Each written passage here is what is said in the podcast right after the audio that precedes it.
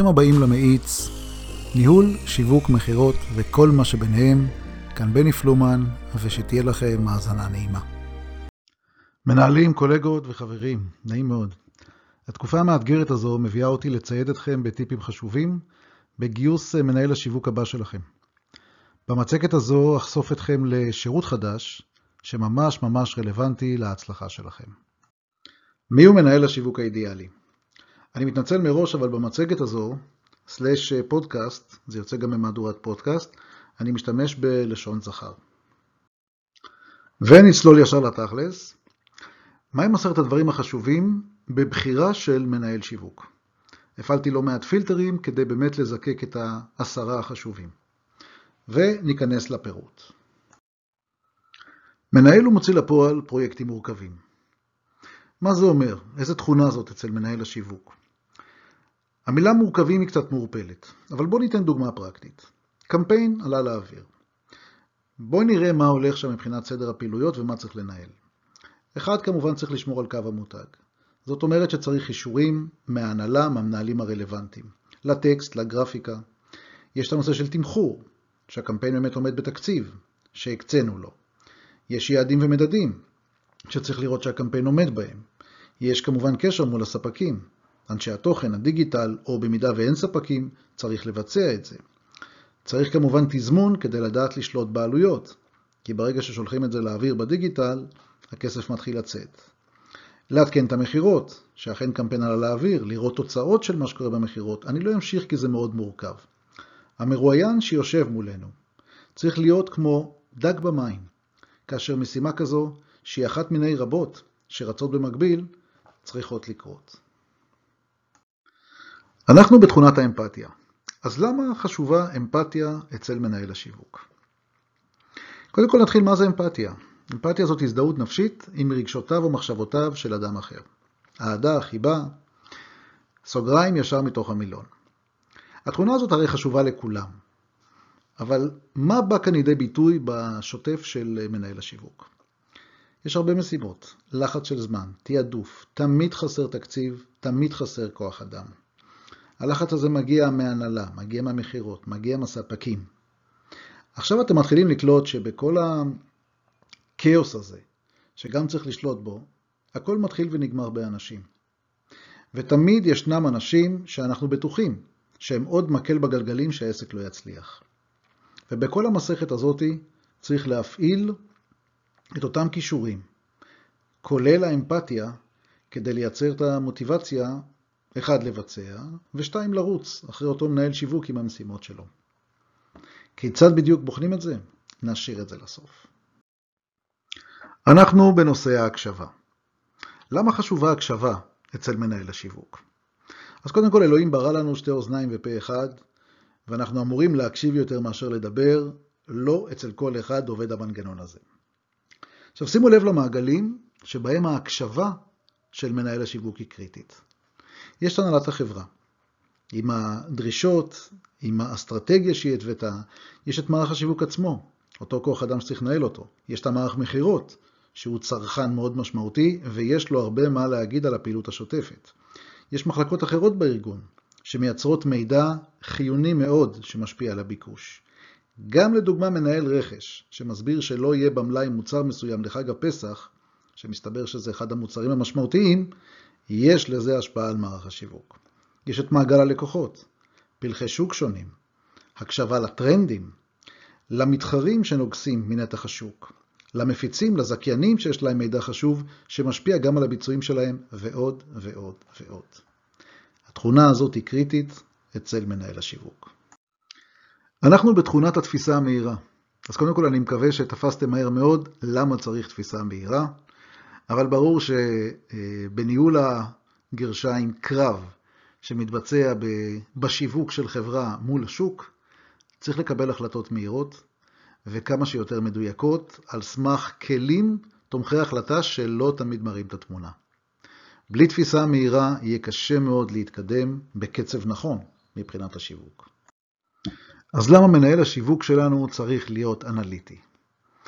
אני אזרוק כמה נושאים לאוויר ונבין איך זה מתקשר. תקציב, ביצועים בדיגיטל, בגוגל, בפייסבוק, יחס המרה בין מתעניינים ללקוחות, עלות גיוס לקוח, ניתוח רווחיות ככלי לקבלת החלטות, מה לקדם ולא. עוד ועוד ועוד נושאים שללא ראש אנליטי, שיודע להסתכל על מספרים, להוציא תובנות ולקבל החלטות, אנחנו מקבלים משהו שהוא לא בדיוק מנהל שיווק. אנחנו בתכונה של אלוף בתוכן שיווקי. אז מה זה בדיוק אומר? למה חשוב שיהיה לנו צ'מפיון בתוכן שיווקי בתור מנהל השיווק? אז קודם כל התוכן הוא המלך, זה לא משפט שאני המצאתי, וללא הובלת ידע וביסוס אוטוריטה באמצעות תוכן, החברה די נעלמת מהקו הראשון, שהקו הראשון הוא החזית הדיגיטלית. בכל ערוץ, אתר, פייסבוק, לינקדאין ועוד, אין משמעות לקיום שלכם ללא תוכן. וגם כאשר אני אומר תוכן, זה אומר לבנות אסטרטגיית תוכן. לאן מכוונים? לאילו קהלי יעד? באילו ערוצים ביום-יום? ומה בדיוק כותבים? היכולת לבוא ולחבר את כל הנקודות האלה ולראות שבאמת משתמשים נכון בתוכן, זה היום א' ב'. עכשיו הגענו לאזור המגורים של מנהל השיווק. מגורים במרכאות, אבל המנהל שיווק צריך לחיות ולגור ברשתות החברתיות. למה זה קורה? דרך אגב, זה צריך לקרות לא מתוקף תפקידו, אלא מעצם הפשן היומיומי שלו להיות שם. כי שם מקשיבים ורואים מה קורה. רואים מי קשור למי. עדכונים יומיים לגבי הלקוחות שלנו, לגבי המתחרים, לגבי הקרבות במרכאות שקורים בשטח. שם מקבלים משובים יומיומיים על המוצרים, על התדמית, על רמת השירות. מנהל השיווק צריך לאהוב להיות ברשתות ולדעת לקרוא את המפה ולייצר תובנות. זו לא משימה, אלא זה פשן חיוני שיהיה למנהל השיווק שלנו. אנחנו בתכונה שקראתי לה נושם מכירות. אם אין ריגוש שיש הזמנה חתומה וכסף בבנק מלקוח, זה אומר ששריר מאוד חשוב אצל מנהל השיווק הקיים או הפוטנציאלי מנוון עד כדי אי התאמה לתפקיד. אני לא מנסה לשנות DNA של מנהל שיווק ולהפוך אותו לאיש או מנהל מכירות. אבל, ללא התלהבות לא יגיע גם תחקיר מקצועי על התהליך וביצועי המכירות, ומכאן שגם לא תובנות מעמיקות לגבי השינויים שיש לבצע. כאשר אני בוחן התאמה של מנהל שיווק, חשוב לי לראות תובנות שלו מהקשבה לשיחות מכירה. ההקשבה שלי לתובנות שיש לו משיחות המכירה מקרינות ישר על איכות הכלים שהוא ידע לתת לאנשי המכירות כדי להצליח. ואם נקצר, אם מנהל השיווק גם היה איש מכירות בעבר, או עסק בניהול שקשור למכירות, זה יתרון משמעותי בקבלה לעבודה. אנחנו בתכונת ה storytelling. היכולת להפוך רעיון מצוין למסר בעל השפעה, זה במשפט אחד מה שאומר storytelling. היכולת לייצר מסרים מקפיצי קשב, שמחוברים לתהליך המיתוג והרכישה של הלקוחות, היא חלק מ-DNA של מנהל השיווק.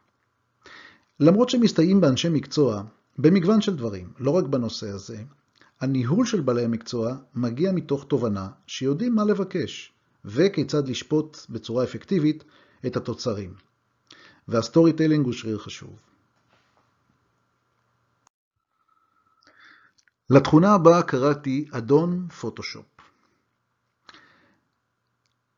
תמונה, סרטון, איור, אנימציה, infographics.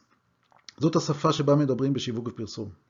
ההבנה של מנהל השיווק, במה ניתן לקבל בכל כלי, וכמובן היכולת לכוון את בעלי המקצוע השונים לתוצאה הרצויה, זאת יכולת שאפשר וחייבים לבדוק. דרך אגב, אם מישהו בא עם ניסיון רב בניהול שיווק, זה לא מייצר דלת פתוחה לתפקיד הבא. לכל תכונה שאני מציין יש מינונים שונים בהתאם לשוק, למוצרים ולשירותים שבהם פועלים. אז הבטחתי ואני מקיים. הכנסתי שירות חדש, שירות בוטיק לחברות, בגיוס והשמה של כוח אדם למחלקות השיווק והמכירות. אני מתאר לפניכם את התהליך וכמובן את תאום הציפיות לגבי הפרויקט. אני אתחיל בלמה אני מצליח לעשות את זה טוב. בזכות דבר אחד, בקריירה שלי עברתי בעצמי את כל התחנות האלה.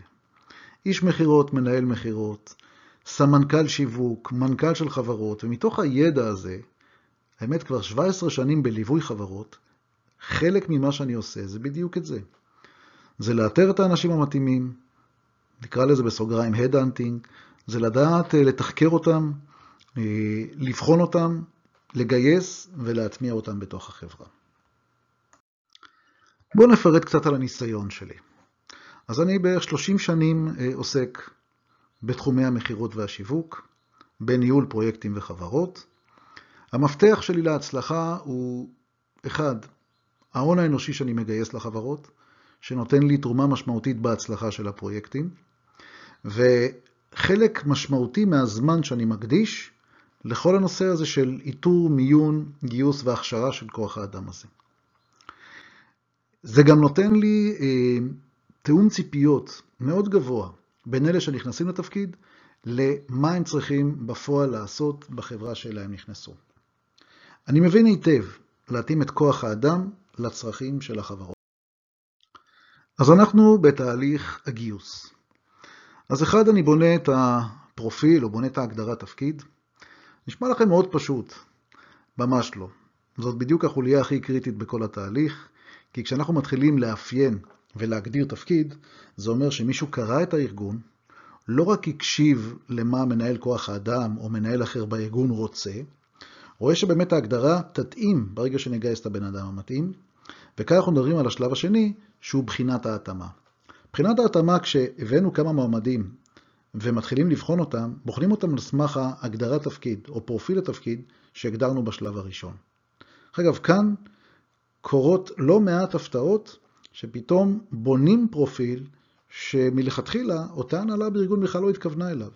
היא בכלל לא נחשפה להרבה מאוד אה, כישורים, יכולות, אה, כלים שהמנהל אה, שיווק הזה או המנהל מכירות הזה צריך. והשלב השלישי הוא ההשמה וההטמעה, נעבור להליך ההתאמה.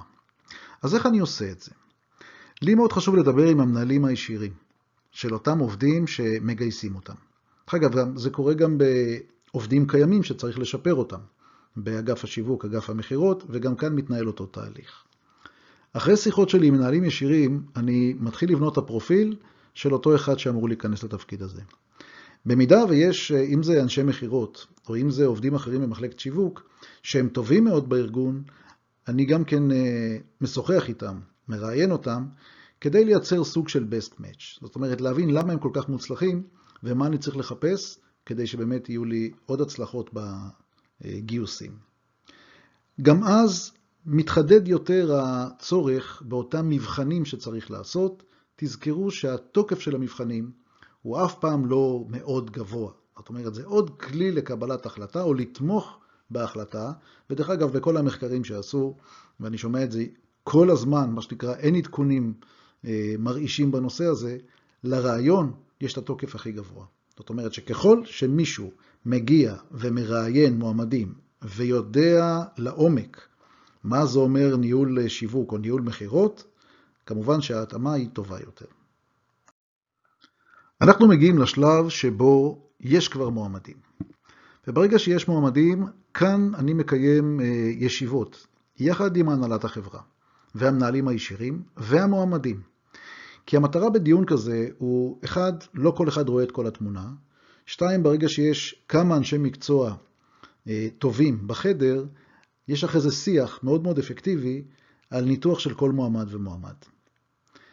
ברור שהשלב לאחריו הוא בחירה של מועמד מתאים, המועמד המתאים ביותר, לתפקיד. השלב האחרון הוא שלב שבו באמת אה, מאמתים שאכן הבחירה הייתה נכונה.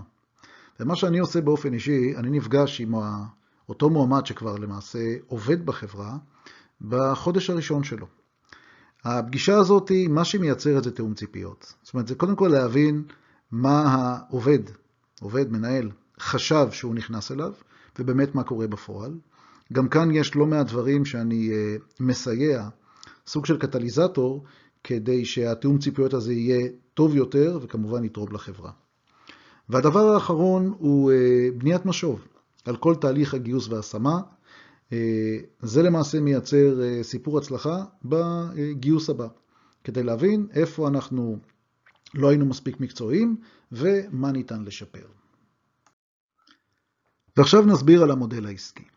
התשלום הראשון הוא התשלום על החלק המאוד מאוד חשוב, שזה למעשה בניית הפרופיל. אחרי שמתחקרים את הארגון. לאחר מכן, אה, אחרי התהליך שהסברתי מקודם, מתחילים להיאסף קורות חיים, שאני מלא אותם לקובץ משותף. אחרי התהליך בחירה, חודשיים לאחר אה, שהמועמד כבר עובד בחברה, מועבר התשלום המוסכם בקיזוז התשלום הראשון שהיה לבניית הפרופיל. אז זה המודל העסקי בתהליך הזה. תודה רבה לכם.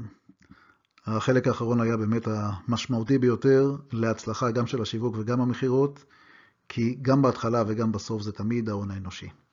אז המון בהצלחה בשיווק ובמכירות, ומקווה שנתתי ערך. וכאן מסתיים עוד פודקאסט שלנו, פודקאסט המאיץ, כאן בני פלומן. תודה שהייתם איתנו, ונשתמע בפודקאסט הבא.